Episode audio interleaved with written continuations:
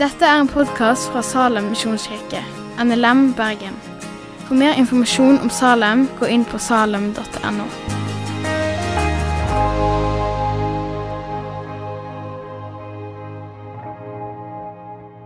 I dag eh, så tenkte jeg å snakke litt om Jesus som livets vann og verdens lys, for det sier han at han er.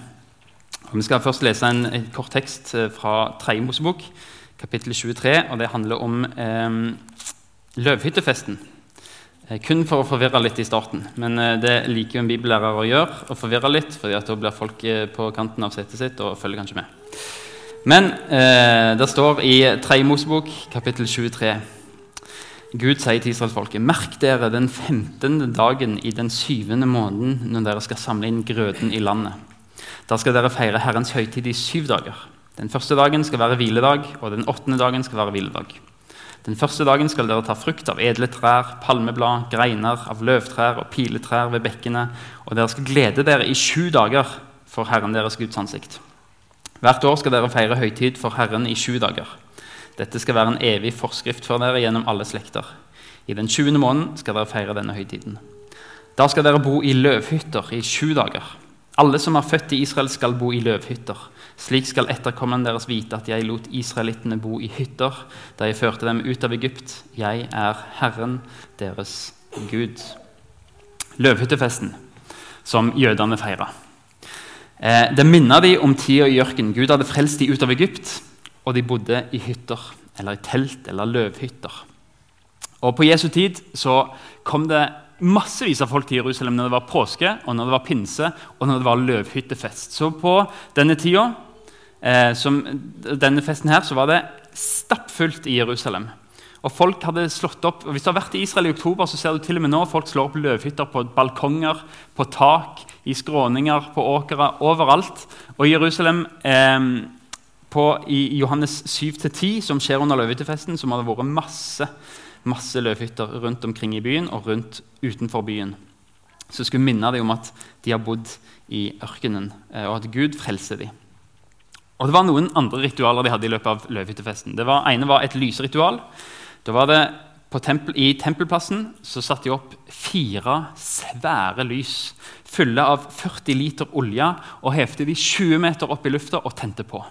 Og det lyste opp, det blafra opp noe helt enormt i Jerusalem. Og Mishna, altså en jødisk tolkning til, til skriftene som forklarer hvordan, eh, hvordan de skulle feire løvhyttefesten, sier det at det var ikke en krok i Jerusalem som ikke var opplyst på natta. Hele byen var lys. Alt var lyst. Og Hvis du kom for langveisfra og skulle opp til Jerusalem på kvelden, så kunne du se Jerusalem som en ildsøyle opp mot himmelen.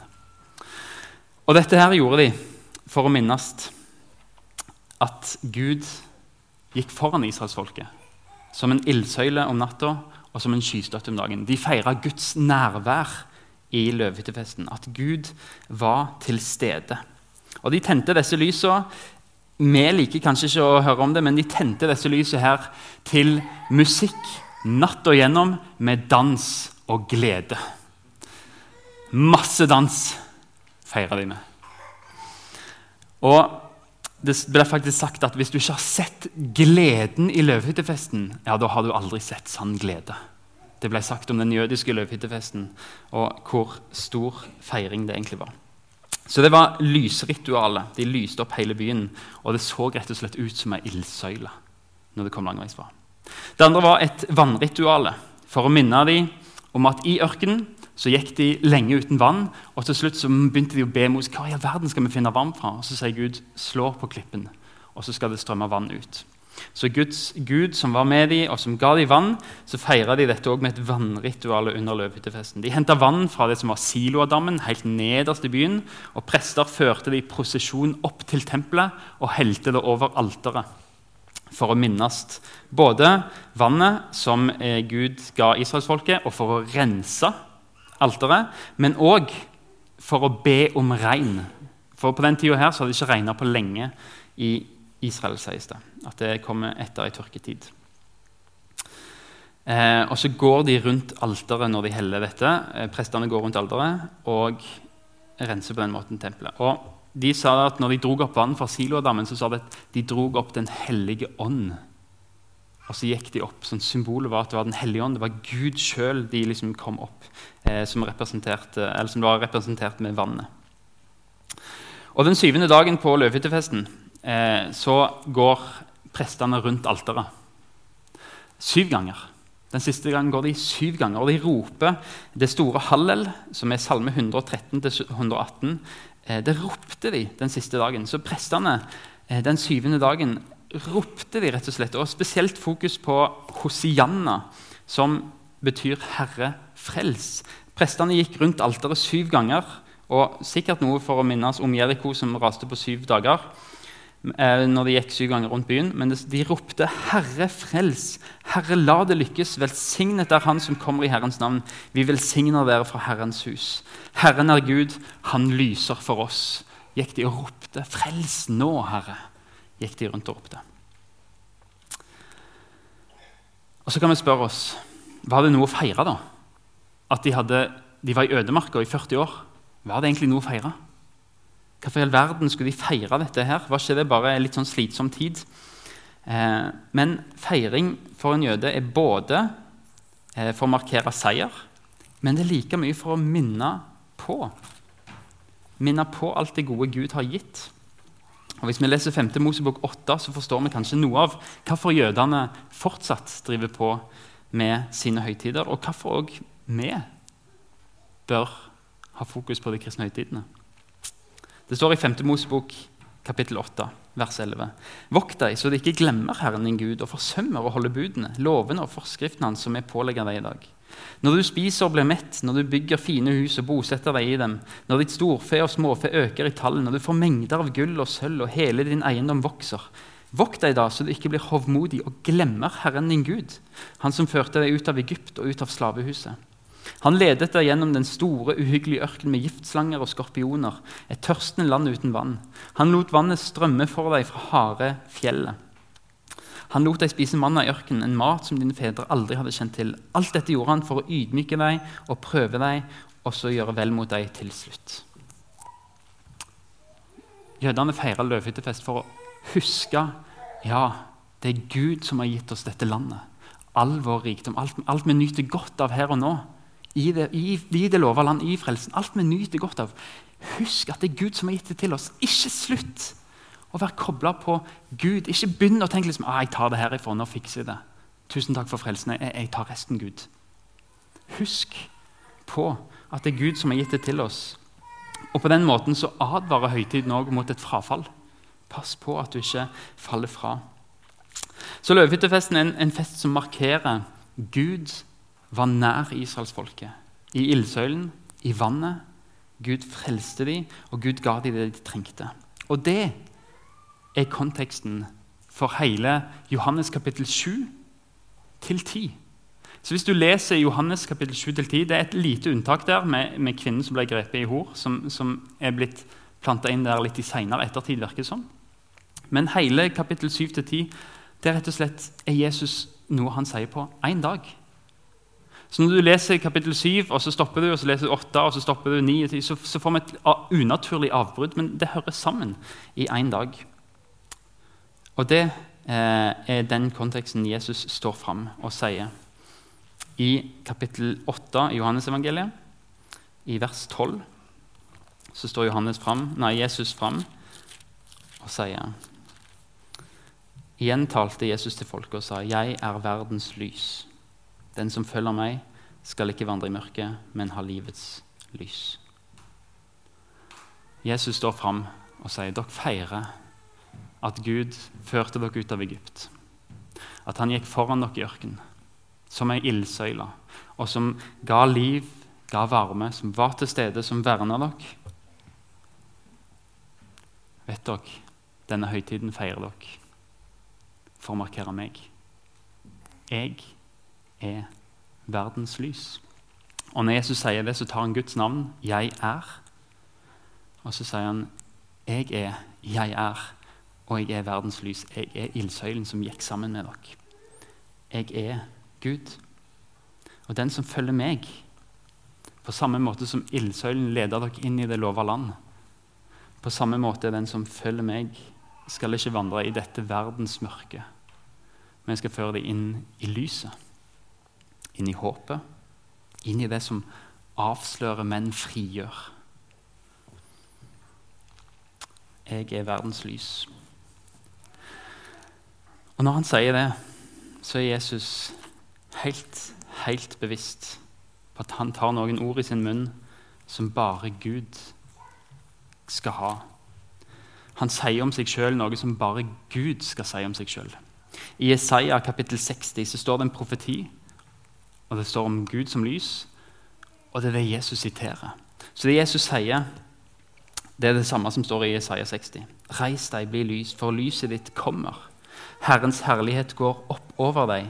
Se, mørket dekker jorden, skodde dekker folkene, men over deg går Herren opp. Ikke over deg går lyset opp, men over deg går Herren opp. Hans herlighet viser seg over deg. Folkeslag skal gå mot ditt lys, konger går mot din soloppgang. Og Litt seinere i det kapitlet så står det solen skal ikke lenger være ditt lys om dagen. Måneskinnet skal ikke lyse for deg, men Herren skal være ditt lys for evig. Din Gud skal være din herlighet.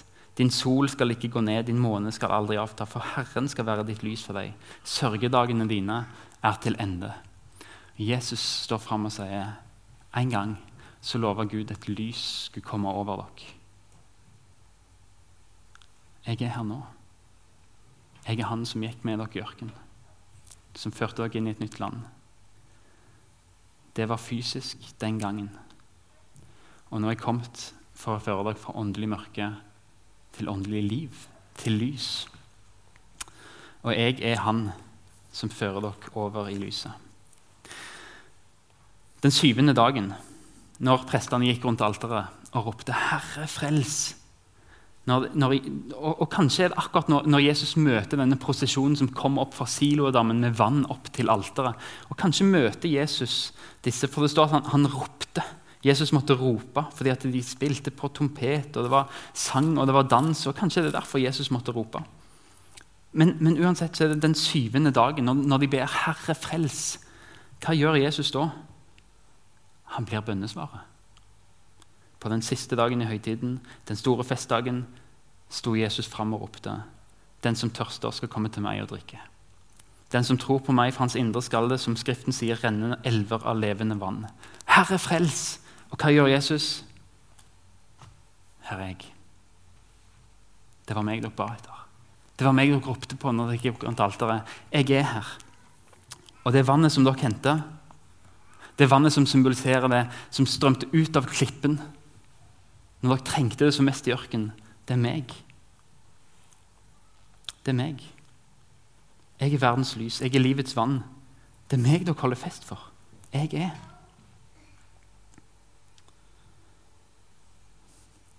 Reaksjonen til jødene den er kanskje ikke så overraskende. Hvis jeg hadde stått fram her i dag og sagt at jeg var Gud, så tror jeg kanskje at Sandviken sykehus hadde ringt i morgen. Men det var det jødene trodde. Jesus, er, han er gal. Han er besatt. Hva i all verden er det her for noe? Noen tror han er gal, andre tror han er blasfemiker, vil steine han og vil gripe han og ta han. Han fremstår som Gud. Jeg var med dere da. Kom til meg nå.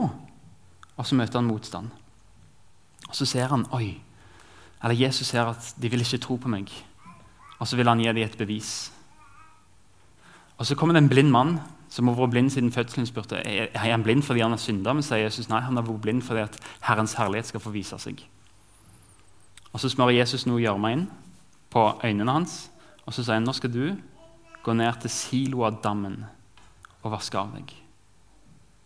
Han møtte han rett utenfor tempelplassen. Så den mannen går nøyaktig den samme ruta som prestene gikk for å hente vann. Som de renser alteret med, som representerte Hellig ånd, som representerte livet. Og Så går han ned i silodammen og vasker seg og blir rein. Den mannen blir rein med vannet og blir blind og får lys til øynene sine. Så Jesus viser dere vil ikke tro meg, men se her. Det jeg sier, er sant. Han får syn igjen. Og Han bruker det tegnet som, for å vise jødene at 'jeg er den jeg sier jeg er'. Han, han tar et, et vitne for å si at 'jeg er Gud'. De vil ikke tro, så han tar et vitne. Og Kanskje er det faktisk sånn at Jesus helbreder han nettopp fordi troen deres var liten. Det blir kanskje bare en parentes, men mange sier at folk blir ikke helbreda fordi troen ikke er stor nok. Men kanskje av og til så unnlater folk å helbrede fordi Gud ser at troen er stødig nok uten denne helbredelsen. Jeg vet ikke, Det var kanskje bare en parentes. Men Jesus står fram som Gud. Og så kan vi si ja, men Kristian, tolker du litt mye inn i dette her? La oss få høre hva en annen rabbiner, rabbi Paulus, sier om det samme. I 1. Korinterbrev, kapittel 10. Jeg vil at dere skal vite, Herre, Nei, vite dette, søsken. Våre fedre i ørkenen var alle under skyen, og alle gikk de gjennom havet. Alle ble døpt til Moses i skyen og i havet. Og alle spiste den samme åndelige mat og drakk av den samme åndelige drikk. For de drakk av den åndelige klippe som fulgte den, og denne klippen var Kristus. Denne klippen var Kristus. Jeg har lyst til å ha litt mer fokus på at Jesus sier at han er livets vann. Fordi når Jesus sier at han er det levende vannet, så, så bruker han igjen Han går tilbake inn til Gammeltestamentet. Og så tar han et begrep som, som handler om Gud, og så løfter han det inn i sin kontekst, og så sier han 'det er meg'. Og Jesus viser til Jeremia 2, tror jeg. Det er iallfall de samme ordene han bruker. Samme begrepene. Og I Jeremia 2 der står det noe som jeg tror jeg ønsker skal få, fortale til oss i dag. Um, la det få være et ransakende kapittel um, som kanskje kan jeg vet ikke. Kan, kanskje kan Gud vekke deg litt gjennom dette. Og kanskje kan han gi deg håp. Men det står i Jeremia 2.: Herrens ord kom til meg. Gå og rop igjen. Dette skal ropes. Det samme som Jesus gjorde. Rop i ørene på Jerusalem. Så sier Herren, jeg husker din ungdoms troskap, din kjærlighet som brud. Da du fulgte meg i ørkenen i et land der ingen kan så Israel var hellig for Herren, førstegrøden av hans avling. Alle som ville fortære Israel, måtte bøte. Ulykke kom over den, sier Herren. Jeg husker våre jeg husker ungdomsforelskelsen. Jeg husker når du tok imot meg. Jeg husker at Du var avhengig av meg, du gikk med meg, du elsket meg, du fulgte meg i et land der ingen kunne så. I, til og med i, i problemer. Du fulgte meg. Jeg husker det. Jeg tok vare på deg, jeg verna deg. Men Jeremia sier noe har skjedd. Hør Herrens ord i Jakobs hus og alle slekter i Israels hus. Så sier Herren, men hva galt fant fedrene dine hos meg? Siden de gikk bort fra meg og fulgte tomme guder og sjøl blei tomme. Hva skjedde? Hvorfor forlot du meg? Hva, var det meg? Var det noe, ga jeg deg ikke det du trengte? De sa ikke 'Hvor er Herren som førte oss ut av Egypt' og ledet oss ut av ørkenen, et land med stepper og kløfter, et land med tørke og dødsskygge, et land der ingen ferdes, et land der ingen mennesker bor. Dere spurte ikke til meg lenger, ikke engang i, i lidelse. Jeg, jeg, førte deg til et land med frukthager, der du kunne spise frukten og grøten. Men da dere kom inn, så gjorde dere landet mitt ureint og min eiendom avskyelig. Til og med prestene slutta å spørre hvor er Herren. Og De som kjenner loven, de, de kjente meg ikke lenger. Og Gjeterne som skulle lede folket, de, de satte seg opp mot meg og begynte å profetere ved Baal og fulgte han som ikke kan hjelpe. Det er derfor jeg fører sak med deg. Det er derfor jeg av og til er litt streng med deg, fordi jeg ser at du har forlatt meg. Jeg vil, jeg vil riste litt i deg, så du, du, finner meg igjen. Jeg fører sak mot dere. Dra over til andre folk, til keteernes kyster. Og send bud til Keder til andre folk som, som jeg ikke er deres gud. Men, men undersøk, har dette skjedd før? Har noen folkeslag bytta ut gudene sine?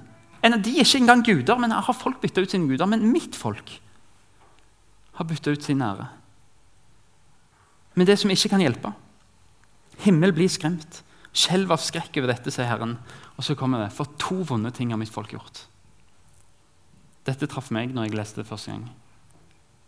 To vonde ting. Én de har forlatt meg, kilden med det levende vann. Og to, de hugger seg egne brønner, sprukne brønner som ikke holder vann. Forlatt meg, kilden med levende vann, og hugger tomme brønner. I Johannes 8 så leser vi om den kvinnen som er grepet i ekteskapsbrudd. og hun, hun jager nok etter nærhet, etter tilhørighet og kjærlighet og anerkjennelse. Og det er fint å jage etter. Vi er skapt til det, tror jeg. Vi er skapt til intimitet, vi er skapt til, til, å høre til, til å elske, til å bli anerkjent og til å være nær noen. Men hun leter feil plass. Hun skulle egentlig funnet ytterst sett hos Gud eller i sin ektemann òg, men hun gikk inn i feil telt. Hun leter på feil plass. og Sånn er det med oss av og til. Vi leter etter Gud. Vi leter etter det vi er skapt til på feil plasser. Jeg har lyst til å lese jeg leste en biografi om Klaus Lundekvam en gang. Eh, en fotballspiller som har spilt i England, eh, som er fra Austevoll. Og han, han, eh, han, jeg, kjenner ikke til troslivet til Klaus Lundekvam, men han skriver noe som minner enormt om Jeremia 2. Og det, jeg lar meg fascinere. Han skriver en kamp til, heter boka. Alle har en hemmelighet, en de vegrer seg for å stå ansikt til ansikt med. Som de nesten ikke tør å vedkjenne seg. Min en bunnløs sjakt. Et gapende krater som vokser seg større og større jo mer jeg prøver å tette det. Jeg har gravd i det selv med mine egne hender. Jeg ønsket meg alt, og etter hvert kunne jeg også få alt. Og da jeg hadde fått alt, var det ikke nok. Jeg hadde trent og jobbet hardt, stått på hver eneste dag for å komme dit jeg var. Bilene, båtene, luksusferiene, festene i London. Jeg fortjente det alt sammen. Jeg skulle skvise ut enda mer. Mer fest, mer sex, mer rus. Jeg drakk med begge hendene fordi det var den eneste måten jeg visste om til jeg ikke lenger kunne stå. Jeg tok for meg av alt bare fordi jeg kunne. Og for hva? Jeg har mistet venner. Jeg har mistet min kone og kjæreste gjennom nesten 20 år. Og mens jeg ruset meg på det verste, sluttet jeg å være pappaen til døtrene mine. Jeg har kontrollert og manipulert de jeg er mest glad i. Jeg har latt livet gå i grus og latt andres liv gå i grus samtidig. Jeg har gravd sjaktene sjøl og prøvd å fylle på med det som jeg tror gir mening. Ingenting av det hjelper. Og så har vi Gud som sier, 'Hvorfor har du forlatt meg?' Hva brønner er det vi graver? Og hvorfor graver vi når Gud er kilden til det levende vann? Det er vi skapt til, han vi er skapt til.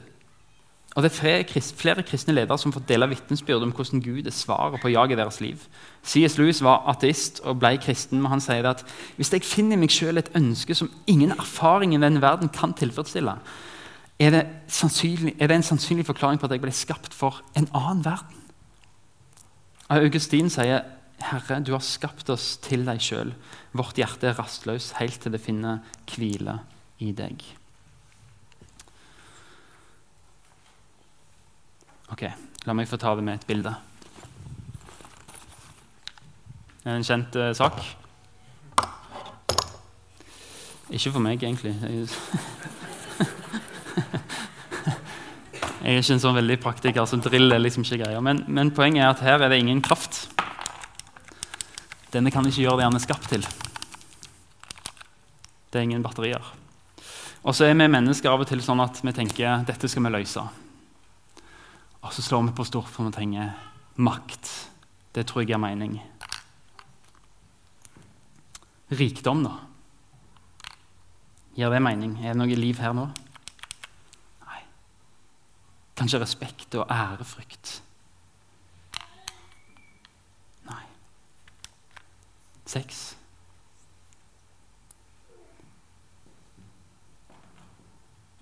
Jeg vet ikke hva du vil sette på den. jeg. Du kan sette navn på den sjøl. Men det funker ikke. Fordi, sånn som Augustin sa, vårt hjerte er rastløst, og vi finner aldri hvile før vi finner det vi er skapt til, av, med og for. Det er et banalt, enkelt eksempel, men kanskje kan det være litt ransøkende. Mens dagens tekst handler om at Jesus er en Gud som en kilde for de som tørster. Jeg er livets vann. Et lys for de som er blinde og de som famler rundt i mørket. Jeg er verdens lys.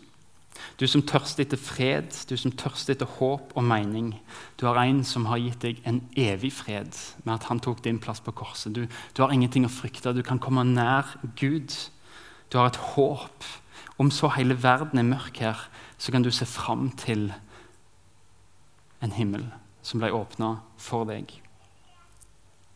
Om du vandrer rundt i mørket, om du har en synd som binder deg, og som du er slave av, så kan det vise at lyset Jesus han lyser på det. Det kan gjøre vondt ja, når han får peke på din synd, men han gjør det for å kunne se enda bedre og for å være kirurgen som skjærer det vekk, som setter deg i frihet, og som gir deg håpet om at en dag så skal jeg stå opp igjen til et evig liv sammen med han. Tida strekker ikke til. Vi kunne snakke om at Jesus samme dag sier jeg er porten. Jeg er veien inn til det landet som Gud førte dere gjennom ørkenen til. Jeg er porten. Han sier jeg er den gode gjeteren. Jeg er han som veileder deg gjennom ødemarka. Jeg er han som beskytter deg, han som ser til deg. Du er en sau. Du er på villspor, du finner ikke mat, du finner ikke hvile. Jeg er den gjeteren som vil føre deg gjennom det. Og ikke bare en gjeter som gjør det fordi at jeg tjener noe på det, at folk synes at jeg er en, en real god kar. Det er sånn med en tjener, som, en leder som legger ned sitt liv, en gjeter som gir livet sitt for sauene.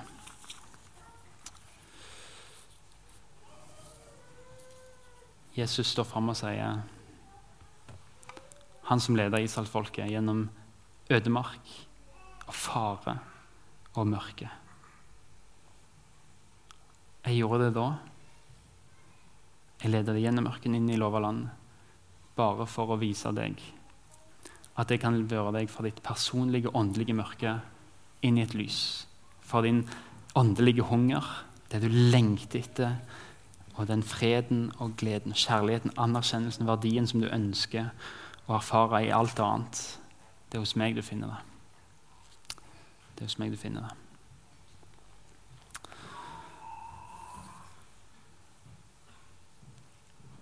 Og når han sier at han er porten, så er det en invitasjon til å si 'kom'. Jeg har satt foran deg ei åpen dør som ingen kan stenge. Ikke engang din historie, det du har gjort, det du burde ha gjort som du ikke har gjort. Din historie Du kan ikke stenge den porten jeg har satt foran deg. Fordi min nåde er større enn dine synder. Og når Jesus sier 'jeg er porten', så sier han 'velkommen inn'. Jeg vil, jeg vil at du skal komme inn til meg og ha fellesskap med meg. Jeg med deg, og du med meg. Herre Far. Um, I møte med deg så fylles hjertet opp av, av, gode ord. Men det er helt umulig å beskrive deg med bare ord. Og Derfor ber jeg Helligånd om at du tar det av det jeg har sagt, som er sannhet. At det brenner fast i hjertene våre, og at du med det forvandler oss fra mørkets barn til å bli lysets barn. Fra å grave brønner sjøl til å være sauer som ligger med hvilens vann og blir ført dit av du som en god gjeteren. Herre, ta imot hver en her inne som, som kjenner at de er slitne av å grave egne brønner. Takk for at du er porten, at du har satt foran oss ei åpen dør. At vi kan gå gjennom der og vite at det rommet, der er vi uendelig elska. Der finner vi håp der finner vi lys. Og der skal vi en gang få glede oss av å treffe Gunvor igjen. Og alle andre som har gått foran. Om du kaller på oss, de av oss som du ønsker å kalle på i dag, Herre. Amen. Takk for at du har hørt på podkasten fra Salem, Bergen. I Salem vil vi vinne, bevare, utruste og sende. Til Guds ære. Vi ønsker å se mennesker finne fellesskap, møte Jesus og bli disippelgjort her i Bergen og i resten av verden. Vil du vite mer om oss, gå inn på salem.no.